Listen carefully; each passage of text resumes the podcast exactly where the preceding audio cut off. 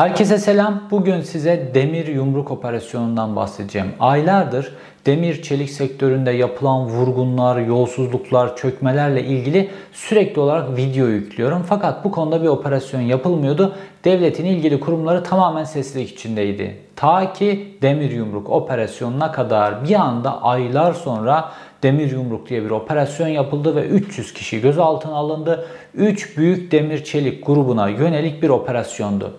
Şimdi bir taraftan sürekli olarak yolsuzluklarını, mafyayla, çetelerle, yeraltı örgütleriyle ilişkilerini, rüşvetçiliklerini anlattığım Ankara polisleri fakat bir anda bu Ankara polisleri harekete geçtiler ve demir yumruk diye bir operasyon yapıp devletin 25 milyar TL'lik bir kaybıyla ilgili büyük bir operasyon dalga estirdiler ve bunu böyle medyada çarşaf çarşaf yayınlıyorlar.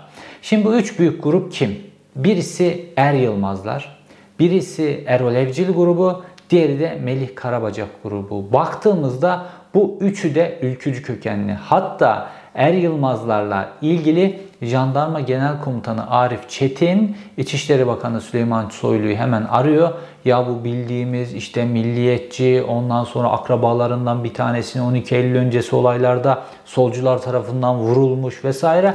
Böyle kefil olduğu bir adam. Fakat Süleyman Soylu diyor ki Valla diyor emir yukarıdan geldi diyor ve kestirip atıyor. Hüseyin Er Yılmaz da tutuklandı. Erol Evcil de Melik Karabacak'ta. Esas patronlar tutuklandı. Toplamda baktığımızda 300 kişilik gözaltından 29-30 kişinin tutuklandığını görüyoruz. Fakat içinde bazı popüler figürler var.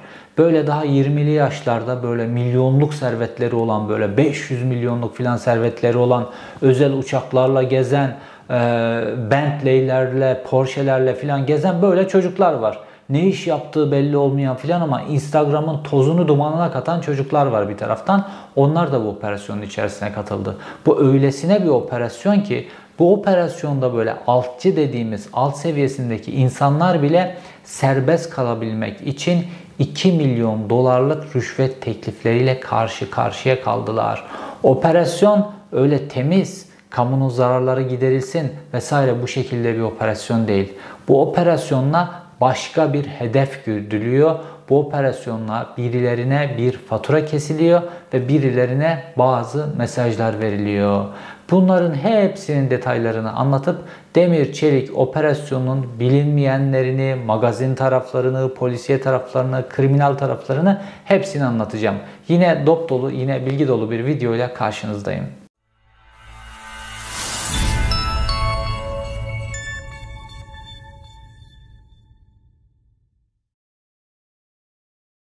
Bu demir çelik meselesini aynı zamanda vergi meselesiyle, vergi vurgunuyla beraber ele almak lazım. Şimdi bir kere şunu söyleyeyim. Ben fabrikalara çökme hadiselerinden bahsetmiştim. İşte Nursan gibi fabrika, İzmir'de başka demir çelik fabrikaları, Sivas'ta demir çelik fabrikaları vesaire. Bunların hepsinin üzerine Erol Evcil'in çöktüğünü ve bu çökme işlerinin arkasında da Erol Evcil'in kendisini sırtını dayadığı insan olarak da Alaaddin Çakıcı işaret etmiştim. Zaten Alaaddin Çakıcı da benim bu iddialarımdan sonra Erol Evcil ile ilgili yaptığı açıklamada benim bu işlerle bu çökme işleriyle alakam yok ama Erol Evcil benim kardeşimdir dedi. Şimdi günümüzün Türkiye'sinde Alaaddin Çakıcı bir tane adama benim kardeşim diyorsa artık ona böyle bir fabrika sahibi, normal sıradan bir insan ya da herhangi bir mafya grubu vesaire bunların hiçbirisi ilişemez günümüzün Türkiye'sinde. Hatta polisler bile ilişmekte tereddüt ederler. Çünkü baktığınızda Devlet Bahçeli Alaaddin Çakıcı'nın arkasında, iktidarın ortağı Alaaddin Çakıcı'nın arkasında. Dolayısıyla da onun kardeşim dediği bir adama normal emniyet görevlileri üzerine gitmek istemezler günümüz Türkiye'sinde. Fakat bir, bir düzlem değişti. Bu düzlemin değiştiği net. Neden? Çünkü baktığımızda Erol Evcil'de, Hüseyin Er Yılmaz'da, Melih Karabacak'ta. Yani bu operasyonda hedef alınan 3 patronun 3'ü de MHP kökenli.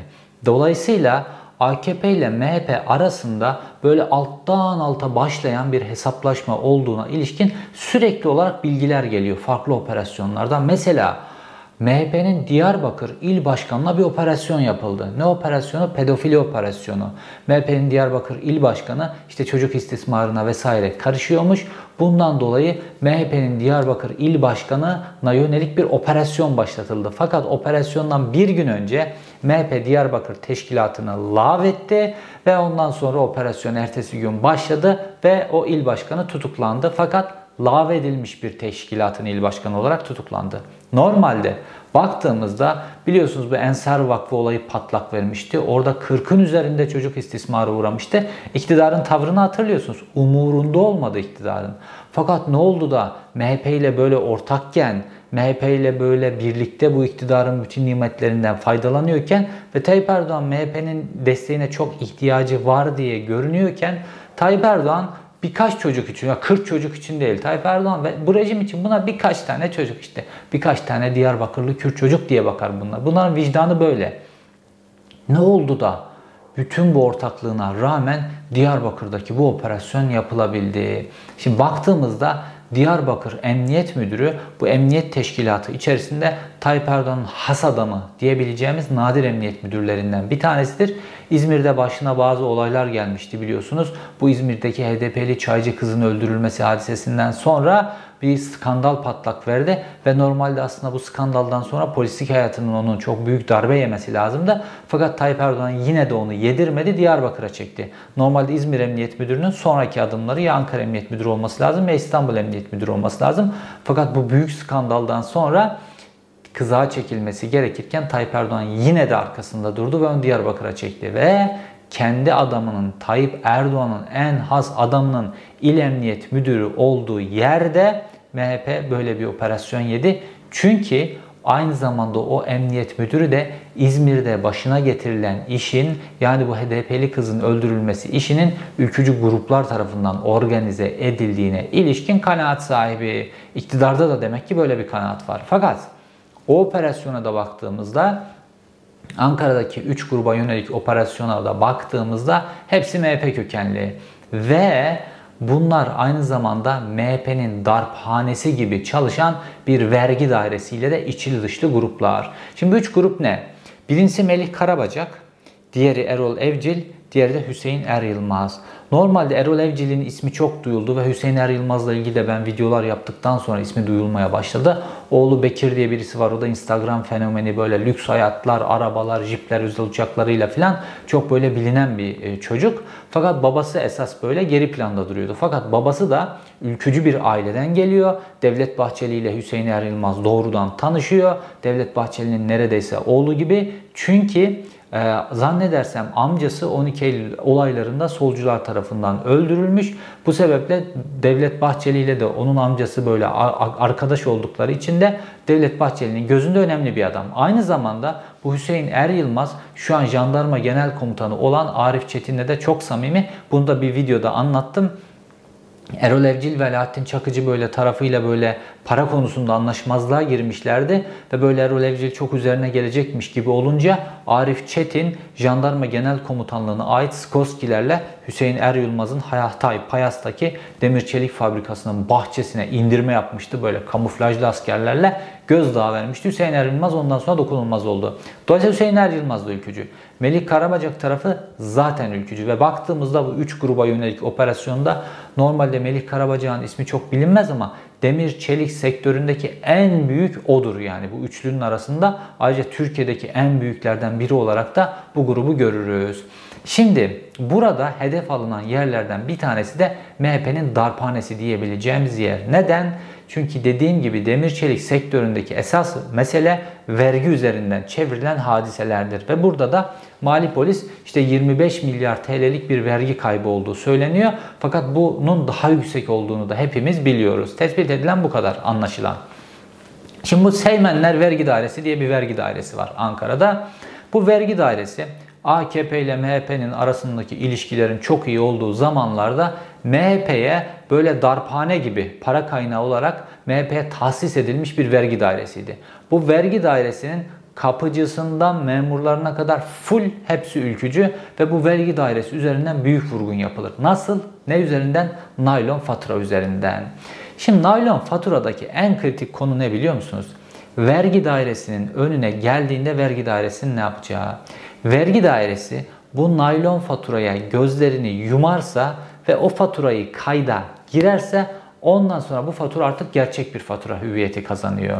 Ondan sonra geriye kalan tek şey ne? Bu faturadaki KDV'nin tahsis edil bu tahsil edilmesiyle ilgili mesele. Şimdi bir firma var, bir şirket var. Bu şirket bir sürü milyonlarca liralık vergi e, naylon fatura kesmiş. Karşında mal yok, alışveriş yok, hiçbir şey yok. Naylon fatura. Yani esas olarak hiçbir iş yapılmamış bir fatura. Karşılığında bir iş yok. Naylon faturayı kesiyor. Bu naylon faturalar Seymenler Vergi Dairesi'nin önüne geliyor. Seymenler Vergi Dairesi bu naylon faturaların hepsini sisteme giriyor. Girdiği andan itibaren bu faturalar artık gerçek. Geriye kalan şey bu faturaların KDV'sini tahsil etmek devlet için. Devlet yani Seymenler Vergi Dairesi sonra o faturaları kesen şirketin üzerine gittiğinde şirket ortadan kaybolmuş. Sahipleri de şirkette hiçbir şey yok. Geride bir tabela kalmış. Dolayısıyla şirketten bu parayı tahsil edemiyor. Fakat fatura artık kayda girmiş. Bu fatura nereye geliyor? Melih Karabacak grubuna geliyor. Ve işte ülkücü kökenli e, demir çelik sektörünün aktörlerine geliyor. Bunlardan en önemlisi de bu fatura işini en çok yapan kişi de Melih Karabacak, Karabacak grubu. DETAŞ dediğimiz demir çelik fabrikası ve işte depoları, alım satım şirketleri, ihracat şirketleri vesaire. Şimdi fatura buraya geldiği andan itibaren artık o gerçek bir fatura ve saç faturası özellikle Türkiye'deki en önemli faturalardan bir tanesi. Çünkü imalat sanayi, boru fabrikaları, döküm fabrikaları vesaire bunların hepsi saç kullanıyorlar ve bunların hepsinin saç faturasına ihtiyacı var. Şimdi elinde %18'lik saç faturası alıyor. Biraz karışık ama anlamanız çok önemli vurgunu e, anlayabilmeniz için. Olay sadece faturalar üzerinden, kağıtlar üzerinden dönüyor. Karşılığında hiçbir işlem yok fakat milyonlarca liralık, milyarlarca liralık vurgun yapılıyor ve hepsi sizin vergilerinizden, sizin cebinizden gidiyor. Nasıl oluyor peki? Şimdi bu sahte fatura sisteme girdi. Sahte faturayı kesen firmaya ulaşılamıyor. Firma buhar olmuş. Fakat bu sahte fatura sisteme girdiği için fatura gelmiş Melih Karabacak'ın fabrikasına. Melih Karabacak'ın elinde artık faturası kesilmiş %18 KDV barındıran bir fatura var. Melih Karabacak artık bu faturayı hiçbir işlem yapmadan gerçek bir fatura çünkü elinde istediği firmaya %25 ile satıyor. %18'lik faturayı %25 ile satıyor. Neden? Çünkü bu faturanın aynı zamanda da %18'lik kısmı KDV ama geri kalan kısmının hepsini diğer şirketler gider olarak gösterebiliyorlar. Mesela 100 liralık bir fatura var. Bu 100 liranın %18'i KDV ama geri kalanının hepsini gider olarak gösterebiliyor her, herhangi bir fabrika. Ve Melih Karabacak da bunu %25 ile satıyor. Yani 100 liralık faturayı 25 liraya satıyor. 100 milyon liralık faturayı 25 milyon liraya satıyor. Hiçbir üretim yok. Sadece kağıdı satıyor. Ondan sonra bir demir çelik bir e, piyasada üretim yapan fabrikada bu faturayı alıyor. Normal zaten kendisinin faturalandırdığı, yaptığı satışlar var ama oluşan bir karı var. O karı düşük göstermek için bu kadar da saç kullandım diyor. O faturayı da koyuyor onun içerisine. İşte zayi oldu, o oldu, bu oldu. O 100 milyonluk faturayı da koyuyor onun içerisine. O da gider kaleminde gözüküyor. Dolayısıyla gelir vergisinden toplamda %25 ödemiş olsa bile gelir vergisinden %40 kazanmış oluyor. Devleti %40 kazıklamış oluyor. Dolayısıyla alan memnun, veren memnun. Her şey kağıt üzerinde dönüyor. Şimdi Türkiye'de böyle özellikle Ankara kısmına baktığımızda böyle çok zenginler böyle gözükür. Üretim yapanlar ya da işte devletten e, inşaat işleri alanlar vesaire. Bir de böyle fatura baronları vardır. Bunlar hiçbir üretim yapmazlar ayarlanmış vergi daireleri üzerinden bu tip naylon fatura işleri yapacak böyle garibanların, böyle çulsuzların, eğitimsiz kişilerin vesaire üzerine sürekli böyle balon firmalar kurarlar. Bu balon firmalar üzerinden böyle fatura işi çevirirler. Ankara'nın bu fatura baronlarından birisi de mesela Sinan Aygün ve şu an e, TOB başkanı olan Rıfat Hisarcıklı olarak bilinir. Bunların ikisinin de böyle Ankara Rüzgarlı Sokak denilen bir yer vardır. Orada inşaat dükkanları vardır. Bunlar da fatura baronu olarak Ankara piyasasında bilinen insanlardır. Fakat bunların bu zenginliklerin nereden geldiği her şey kağıt üzerinde dönüyor. Böyle bir dünya var bir de. Şimdi bu fatura baronlarına yönelik de Türkiye'de büyük bir operasyon yapılmadı. Şimdi demir çelik operasyonu üzerinden bir ucu tutuldu gibi hadisenin gözüküyor ama bu iş nerelere doğru gidecek? Esas baronlara doğru gidecek mi? Onu göreceğiz. Ayrıca bu demir çelik operasyonda ne kadar hakkaniyetli yapılacak? Onu da göreceğiz. Şu ana kadar ne kadar hakkaniyetli yapıldı bu işin arka planda neler var? Onlara da birazdan geleceğiz.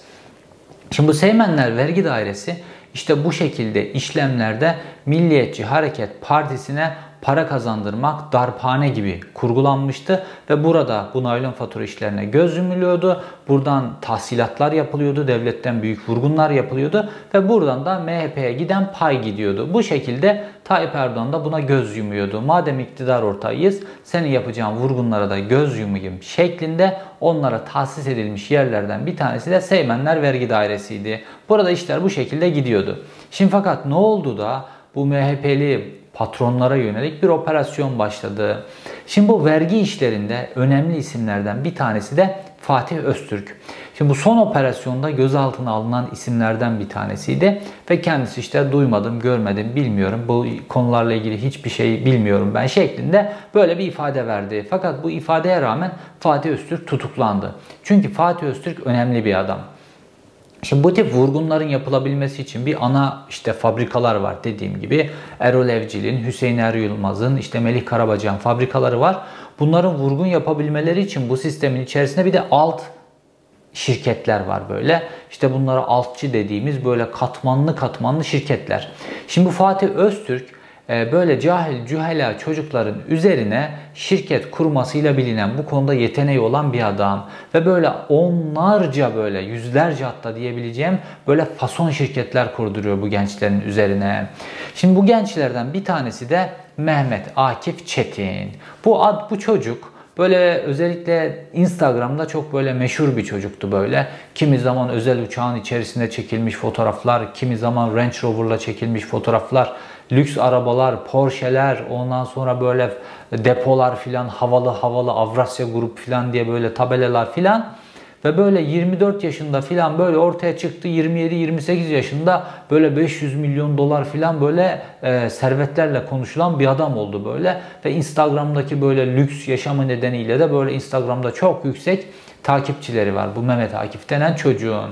Bu Mehmet Akif denen çocuk bir tane nargile kafede közcü normalde. İşte bu Fatih Öztürk de o nargile kafeye gidiyor, geliyor. Bununla işte orada tanışıyor falan. Bu çocuk işte közcü, anca işte böyle köz üflüyor filan çekiyor. Böyle bir çocuk. Cahil bir çocuk. ilkokul mezunu bir çocuk. Şimdi buna kafalıyor bir süre sonra. Diyor ki ya diyor işte böyle bir şey var. Senin üzerine bir şirket kuralım. Önce tabii şöyle yaklaşıyorlar genelde. Ya bizim bazı miras işleri falan filan var. Sen üzerine bir şirket kuralım. İşte sen de oradan 3-5 yolunu bulursun falan. Sonra buna sistemi öğretiyorlar. Bu sistem nasıl? İşte böyle naylon fatura, sahte fatura ya da hiç karşılığı olmayan faturalar bu şekilde üretme işi. Şimdi sistemi öyle kuruyorlar ki en alttaki şirket %1 ile fatura kesiyor. Onun üzerindeki %3 ile fatura kesiyor. Sonra %5'lik fatura en sonunda öyle o şirketten o şirkete, o şirketten o şirkete %5'lik fatura en sonunda Melih Karabacak'ın, işte Erol Evcil'in filan onun eline geliyor. Şimdi bunlar bu şekilde %5'lik, %6'lık faturaları kullanınca KDV'den kar ettikleri için daha doğrusu bunu vergiden düşürebildikleri için normalde ellerinde satın aldıkları demir bu şekilde vergi dümeniyle, vergi yolsuzluğuyla paralar el altından keş olarak geliyor. Fatura kesiliyor diyelim yüksek miktarda ama el altından para esas sahibine e, yönelik geliyor. Herkes komisyonunu ala ala parayı keş olarak esas sahibine veriyorlar. Dolayısıyla bu vergi kısmı düşüldüğü zaman şöyle bir adaletsizlik oluşuyor piyasada. Normal bir demir tüccarı, dürüst bir demir tüccarı gidiyor fabrikadan demiri alıyor. KDV'sini ödüyor, diğer vergilerin hepsini ödüyor. Bunlar üzerine koyuyor. İşte depo masrafı, eleman masrafı filan bir maliyeti oluyor ve o maliyetten demiri satıyor. Fakat bu adamlar böyle fatura işleri üzerinden böyle faturalar çevirerek ve böyle alttan da nakit paralarını geri alarak o böyle %5 altılık bu şekilde vergi dilimini düşürünce bu hilelerle öyle bir noktaya geliyor ki neredeyse fabrika fiyatının altında satma noktasına geliyorlar. Dolayısıyla diğer dürüst tüccarlarla aralarında %6'lık, %7'lik bir demir e, sektöründe fiyat farkı oluşuyor. Şimdi bunlar böyle ucuzdan satınca bunların işleri yürüyor. Habire demiri bunlar satıyor. Habire demiri bunlar satıyor. Bu tüccarlar satıyor. Dolayısıyla piyasada esas dürüst tüccarların canı okunuyor. Şimdi burada mali polisin işte masadır, odur bunun yapması gereken dürüst tüccarları korumak, bu fatura işlerine göz yummamak. Fakat olay öyle büyük ve bu polisler öylesine rüşvete bağlanmışlar. Bu maliyeciler öyle rüşvete bağlanmışlar ki bu sistemin hepsine bu şekilde göz yumuluyor. Şimdi bu Mehmet Akif denen çocuk da bunlardan bir tanesi. Fakat bu Mehmet Akif'in gözaltına alınmasında dönen bazı dolaplar var böyle. istenen 2 milyon dolar gibi bazı hadiseler var. Şimdi bunları size anlatayım. Bu da olayın magazin yönü diyebileceğimiz bir kısmı. Ankara'da operasyon başlayınca böyle işte büyük başlar, onların çalışanları böyle herkesi birden toplayıp gözaltına aldılar. Muhasebeciler, şoförler, çaycılar böyle 300 kişi bir anda gözaltına alındı ve böyle işte örgüt şekline sokuldu bu, bu, bu dosya. Normalde Türkiye'de artık böyle klasikleşti böyle. Her şeyi örgüt kapsamına sokluyorlar. Hatta her şeyi terör örgütü yapıyorlar filan. İşler kolaylaşıyor. Çünkü böyle olunca bir e, telefonda konuştuğu bir kelime bu kod kelime filan diyebilmek için filan katalog suçlara sokabilmek için dinleme kısmını onu bunu genişletebilmek için her şeyi örgütün içerisine sokuyorlar. Normalde herkesin suçu neyse adamın suçu vergi kaçırmaysa vergi kaçırma başka ise başka. Her şeyin herkesin suçu neyse ondan yargılanması lazım. Ona göre cezalar alması lazım. Adaletli olması lazım. Şimdi bu işi örgüt kapsamına soktular. Örgüt kapsamına sokunca dediğim gibi çaycılara varana kadar 300 kişiyi böyle gözaltına aldılar. Bunları böyle 2 kişilik hücreye 8-10 kişiyi doldurdular vesaire üzerlerine baskı kurdular. Bazıları etkin pişmanlıktan yararlanıp itirafçı oldu. Oldu bu oldu. Polis böyle bir rüzgar estirdi Ankara'da. Ve bu rüzgarın içerisinde işte arada kalanlardan bir tanesi de Mehmet Akif Çetin. Şimdi bu Mehmet Akif Çetin, Közcü Mehmet dediğimiz çocuk daha 20'li yaşlardaki çocuk böyle servet yapmış Instagram'da böyle estiriyor. Dolayısıyla bu çocuk kolay hedef. Bu çocuğun üzerine böyle hafiften gittiklerinde çok büyük böyle kendisine göre böyle büyük sayılabilecek rüşvet verebilecek kişilerden bir tanesi. Şimdi Ankara'da Cem Duman diye bir tane avukat var. Böyle profiline, tipine baktığınızda böyle İtalyan mafya babası avukatları falan gibi böyle bir tip böyle giyinir. Havuzlu böyle işte e, ofisinde vardır böyle Ankara'da. Böyle Ankara'daki gayrimeşru piyasasındaki bütün mafya grupları vesaire bunların hepsinin avukatı Cem Duman'dır. Şimdi bu Mehmet Akif'in de böyle başı sıkışınca doğrudan koştuğu kişi Cem Duman. Şimdi Cem Duman buna diyor ki ortalık çok karışık. Sen birkaç süre teslim olma diyor ve bunu teslim etmiyor. 9 gün operasyonda bunu teslim etmiyor. 9. günde ilk tutuklamalar olduktan sonra işte bu büyük patronlar tutuklandıktan sonra şöyle bir pazarlıkla geliyor karşısına. Diyor ki 2 milyon dolar ödersek sen tutuklanmayacaksın diyor. Mehmet Akif Çetin hemen tabii ki bu teklifi kabul ediyor. Tamam diyor 2 milyon doları veririm diyor. Ondan sonra Mehmet Akif Çetin'in yakalama kararı kaldırılıyor. Ondan sonra o yine böyle işte Instagram'da gözükmeler şunlar bunlar filan oluyor. Böyle rahatladım diye düşünüyor. Fakat ödemesi gereken 2 milyon dolarlık rüşveti ödemiyor. Fakat bu rüşvet sadece yakalama kararı ile ilgili hadise değil. Aynı zamanda mal varlıklarına tedbir konulmaması da bu paketin içerisine dahil. Çünkü bu operasyonda gözaltına alınan herkes tutuklanan tutuklanmayan herkesin hem şahsi mal varlıklarına hem şirket mal varlıklarına bloke konuldu bunların hepsine. Banka hesaplarına bloke oldu filan. Hiçbirisi hareket edemiyor. Ancak şirketlerin içerisinden kaçırabildikleri malları şu an harıl harıl kaçırıyorlar. Ama hesaplar vesaire bloke edildi. Şimdi bu Mehmet Akif Çetin'le ilgili yapılan e, anlaşmada hem yakalama kararının kaldırılması hem de mal varlıklarına el konulmamasıyla ilgili pazarlık bu şekilde. Fakat bu Mehmet Akif hakkındaki yakalama kararı kaldırıldıktan sonra bu 2 milyon dolar rüşveti ödemiyor. Bir şekilde işte paraları toplarım filan tüyerim diye düşünüyor. Fakat rüşveti zamanında ödemeyince tak hemen hakkında yakalama kararı çıkartılıyor ve Mehmet Akif gözaltına alınıyor. Zaten muhtemelen de takip ediliyordu.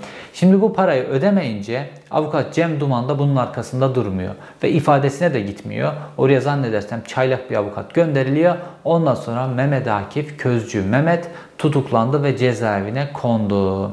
Sistem bu şekilde yürüyor. Bu zengin çocuklardan bir tanesi de Instagram'da böyle sürekli gözüken ve dolayısıyla da aslında demir çelik piyasasını böyle hedef haline getiren çocuklardan bir tanesi de Bekir Er Yılmaz. Meşhur Hüseyin Er Yılmaz'ın oğlu Bekir Er Yılmaz. Bu da böyle Instagram'da sürekli Bentley arabalar, Maybach'lar filan böyle çakarlı araçlar vesaire böyle tozunu attırıyordu piyasanın. Dolayısıyla çok dikkat çekiyordu babasının üzerine. Ve bunlar bu dikkat çeken kişiler aynı zamanda da bunlara çökmeyle ilgili operasyonu yapacak kişiler için de kolay hedef. Çünkü kendilerini, kendi hayatlarını Instagram'da kendileri zaten ele veriyor. Rassan da bu tiplerden bir tanesiydi. Hüseyin Er Yılmaz da sürekli takılıyordu. O da böyle sürekli özel jetler, böyle Bentley'ler vesaire bunlarla gözüküyor. Bu tip böyle 20'li yaşlarda adamların böyle Bentley'lerle, özel jetlerle görünmesi şu demektir. Bu para kolay para, haram para bu para veya vergiden kaçırılan para ya tozdan gelen para ya başka bir yerden para. Bunu ben böyle anladığım gibi polis de böyle anlıyor ve günümüzün rejim açısından da bu kişiler hedef haline geliyor. Bu Bekir El Yılmaz İngiltere'de yaşıyor aynı zamanda ve böyle babası Hüseyin Er Yılmaz sürekli olarak İngiltere'de bir ayağının olmasını istiyor ve böyle yavaş yavaş da İngiltere'deki böyle yatırımlarını sürekli arttırıyorlar. Şimdi operasyonun geneline baktığımızda bu operasyon dışarıya sızmış. Bu operasyonun öncesinde bu operasyonun yapılacağına ilişkin hem Hüseyin Er Yılmaz'ın hem Melih Karabacak'ın haberi var ve kendilerine göre tedbirler almışlar. Melih Karabacak Rusya'da bir fabrika satın alıyor. O fabrikaya yatırım yapmak için Türkiye'den çok fazla para çıkartıyor. Ve Hüseyin Er Yılmaz da bu operasyon yapılmadan 10 gün önce fabrikalarındaki bütün üretimi durduruyor. Hatta bu da yetmiyor. Kendisine hurda getirmek için yola çıkmış olan bazı gemiler var. O gemiler getirilip o hurdaları böyle o yüz binlerce ton hurdadan bahsediyoruz. Çünkü hurdadan demir çelik üretiyor onun fabrikaları. Bu gemileri de daha Türkiye teslim edilmeden başka firmalara bunların içerisindeki hurdaları satıyor. Yani onlardan da kurtuluyor. Nakite dönüyor sürekli olarak. Üretime para yatırmadan nakite dönüyor.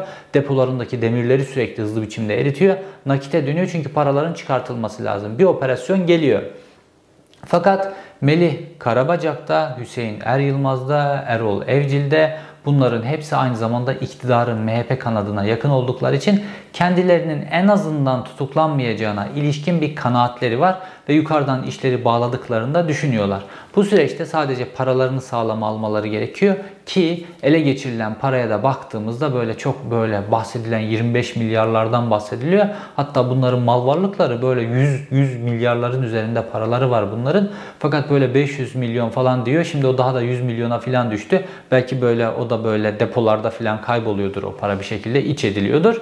Dolayısıyla ele geçirilen doğru düzgün bir para yok aslına bakarsanız bu operasyonda. Çünkü bu operasyon öncesinde sızdırıldı. Sızdırılınca bu grupların hepsi e, tedbirlerini aldılar, nakite döndüler ve nakitleri yurt dışına çıkarttılar. O böyle balya balya bulunan paralar filan bunlar için çerez, günlük kazandıkları para bile değil o bulunan paralar. Çünkü bu demir çelik sektöründe çok böyle nakit dönüyor. Tamamen günlük tahsilat, günlük teslim vesaire nakit döndüğü için çok yüksek paralar var. Günde böyle milyonlarca, on milyonlarca dolarlık paralar dönüyor. Fakat bulunan paralar günlük para bile değil. O derece az para bulundu. Çünkü operasyon sızdı. Fakat bazı polisler bu operasyonun sızdığını fark ediyorlar. Sızdığı için de bu operasyon birazcık hızlı yapıldı. Normalin üzerinde öne çekiliyor bu operasyon.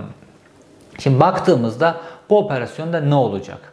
Şimdi bu demir çelik sektöründe diğer sektörlerde olduğu gibi işte bir paylaşım var. Bu paylaşımın gittiği yer var ve bu sektördeki paylaşımdan görüyoruz ki bu alınan figürlerden görüyoruz ki bunların payı MHP tarafına doğru gidiliyor. Şimdi MHP tarafına doğru giden payda bir kesilme olacak. Bu operasyonu yapan savcıya vesaire de baktığımızda iktidar güdümünde ve Hüseyin Er Yılmaz için Jandarma Genel Komutanı İçişleri Bakanı Süleyman Soylu'yu aradığında da aldığı cevap emir büyük yerden geliyor. Direkt beyefendinin talimatı var şeklinde oluyor. Dolayısıyla Hüseyin Er Yılmaz da tutuklanıyor bu operasyonda. Bu operasyonun sonunda ne olacak? Şimdi bu şirketlere kayyumlar atanıyor biliyorsunuz. Şirketler donduruluyor, e, mal varlıklarına tedbir konuluyor. Bir süre sonra işte kayyumlar geliyor. Kayyumlar geldikten sonra bu şirketlerin içini bir güzel boşaltacaklar. Bu şirketleri soyacaklar. Ondan sonra almaları gereken rüşveti alacaklar. Hüseyin Er Yılmaz'a da, Erol Evcil'e de, Melih Karabacak'a da bir fatura kesilecek. Bunlar bu faturaları ödeyecekler. Ondan sonra bunların hiçbirisi öyle doğru düzgün hapis mapis yatmayacak. Bunlardan öyle kamunun bütün o böyle 25 milyarlık bahsedilen zararı vesaire bunların hiçbirisi de tahsil edilemeyecek. Çünkü bunların tahsil edilebilecek bu kadar büyük mal varlıklarını bunlar zaten Türkiye'de tutmuyorlar. Bunlardan bir tanesi belki Hüseyin Er Yılmaz'ın bazı mal varlıkları, çok yüklü miktarda mal varlığı var Türkiye'de. Fakat bunlar da o operasyon yapılan şirketler değil başka şirketlerin üzerine. Dolayısıyla bu şirketlerin içerisinde öyle bu kadar büyük miktarda paranın ele geçirilmesi söz konusu değil. Şimdi bu operasyon iktidarın içerisindeki dengelerle ilgili yapılmış bir operasyon. Yoksa bu operasyonun böyle kamunun vergi kaybını engellemek, ondan sonra bu fabrikaların böyle içinin boşaltılmasını engellemek vesaire bunlarla ilgili hiçbir alakası yok. Hatta şu an böyle tedbir konulmayan bu böyle rüşveti tahsil edebilmek için mesela bu Közcü Mehmet var ya onun şirketlerine halen daha tedbir konmadığı için konmadı ki bu vereceği 2 milyon dolarlık rüşvet parasını verebilsin diye. Bu, bu nedenle tedbir konmadı. Dolayısıyla şu an zaten şirketlerin içi boşaltılıyor bir şekilde. Kayyumlar gelecek onlar daha da boşaltılacak. Dolayısıyla binlerce kişi işsiz kalacak. Sonuçta olacak hadise bu. Bu çark belki bir süre için duracak. Sonra başka şirketler üzerinden fatura oyunları, başka işler vesaire bu sistem devam edecek. Bu operasyon gerçek doğru ve ciddi bir operasyon olsaydı bu operasyonun içerisinde çökme boyutlarının olması lazımdı. Çünkü özellikle Erol Evcil İzmir'de bir fabrikaya çökebilmek için o fabrikanın bunları videoda anlattım. Fabrikanın sahibini öldürdüler, gömdüler. Adamın cesedi ne kadar sonra bulundu. Bunlar bir aileyi böyle darma duman ettiler. Onun fabrikasına İzmir'de el koydular. Bunların hepsini videolarda detaylı anlattım. İzmir'de Sivas Demir Çeliği TMSF'nin elinden alıp batırdılar, içini soydular, kamudan aldıkları orayı alabilmek için olan kredileri ödemediler. Büyük bir vurgun oluşturdular. Ondan sonra Erol Evcil gitti Nursan'a, onu da detaylı biçimde anlattım. Hatay'da Türkiye'nin en büyük demir çelik fabrikalarından bir tanesinden resmen çöktü. Bütün bu çökmeler bu operasyonun içerisinde yok. Ne var? İşte MASA'nın, mali şubenin vesaire vergiyle ilgili oluşturduğu hadiseler. Eğer gerçekten bir organize suç örgütünden bahsediyorsak, hakikaten bir örgüt varsa bu operasyonun çökme ayağı olmalıydı. Fakat bu operasyonun çökme ayağı yok. Çökme ayağı olsa bu çökülen kişiler önce tek tek ifadeye çağrılır.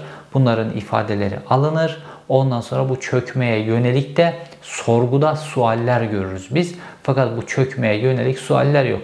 Tamamen işte A tipi fatura dedin, B tipi mal dedin. Bu B tipi mal ne demek? Faturasız mal demek vesaire. Bu tip böyle bu kapama yapalım dediniz. Ondan sonra %1, %3 faturalarla ilgili böyle bahsettiniz filan. Tamamen tapelere takılan şeyler. Tamamen böyle tapelere takılan şeyler üzerinden bir örgüt şeması oluşturulmuş. Bunun üzerine gidiyor. Fakat esas organize suç boyutunda bu adamlar kimlerin malına nasıl çökmüşler, bu çökmeler sırasında kim göz yummuş? Mesela İzmir'deki fabrikalara çökerken İzmir Emniyet Müdürü kimmiş? Bu fabrikalara çökerken o dönemin yetkilileri kimmiş? Bu fabrikaların çökülmesiyle ilgili yargı sürecine taşındığında bu yargı sürecinde bu işi böyle kilitleyen, halen daha kilitlemeye devam eden hakimler, savcılar kimmiş? Bunların mal varlığında bir artış olmuş mu vesaire. Bunların hepsinin sorgulanması lazım. Ben bunları size hepsini detaylı biçimde anlattım bu çökme hadiselerini. Fakat bu operasyonun içerisinde yok. Bu operasyon aslında yeni bir çökme operasyonu. Bu üç adama bu üç adama çökülecek şimdi. Bu üç adamın mal varlıklarının önemli bir kısmını alacaklar kendilerine. Alabildikleri kadarına çökecekler. Kamunun zararı, e, işçiler işsiz kalmış, burada yok fabrikada baca yokmuş, zehirli üretim yapılıyormuş falan bunlar hiç umurlarında değil. Tamamen göstermelik bir operasyon çerçevesinde hadise dönüyor. Ve göreceksiniz çok yakın zamanda bu 3 tane patronun da tahliye olduğunu hep beraber göreceğiz. Belki benim bu videom üzerine bu tahliye işlemini biraz geciktirebilirler. O da ayrı bir konu. Çünkü benim yaptığım videolarda bu sorgular sırasında böyle farklı şekillerde filan gündeme geldiğini duyuyorum.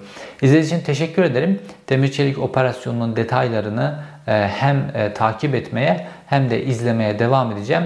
Çünkü demir çelik sektöründe Türkiye dünyanın 7. büyüğü. Türkiye açısından inanılmaz büyük bir sektör. Türkiye'nin geçmişten beri getirdiği çok önemli demir çelik fabrikaları var.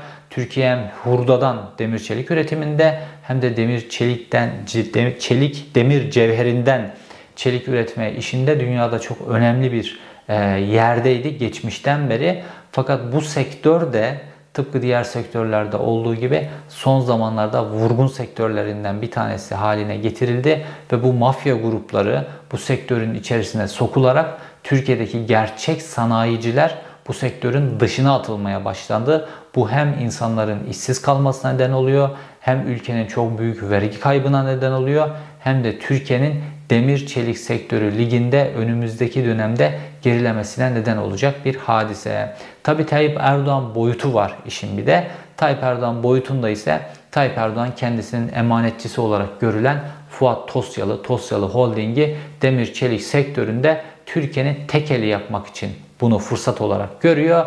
Mafya grupları önce buraları, fabrikaları ele geçirecekler. Mafya grupları zaten bu fabrikaları ele geçirmekteki amaçları fabrikaları işletmek değil. Fabrikaların içini boşaltıp devasa bir vergi yüküyle çalışanlara onlarca maaş borçla vesaire çökertmek. Şu an Sivas Demirçelik'te bile 4-5 aydır işçiler maaş alamıyorlar, isyandalar. Ve şimdi bu fabrikaların işçileri de maaş alamayacak vesaire. Mafya bu fabrikaları çökertsin, bitirsin. Ondan sonra Fuat Tosyalı'nın fabrikaları piyasada tekel olsun. Fiyat Tosyalı öbür fabrikaları da satın alsın vesaire. Tayyip Erdoğan'ın emanetçisi Türkiye'de tekel olsun. Tayyip Erdoğan da insanların mallarına, gerçek sanayicilerin mallarına mafyanın çökmesini bu sebeple göz yumuyor. Fakat dediğim gibi bu operasyon MHP ile AKP arasında küçük böyle bir tatlı atışmalar seçim öncesi pazarlıklarla ilgili diyebiliriz. İzlediğiniz için teşekkür ederim. Bir sonraki videoda görüşmek üzere.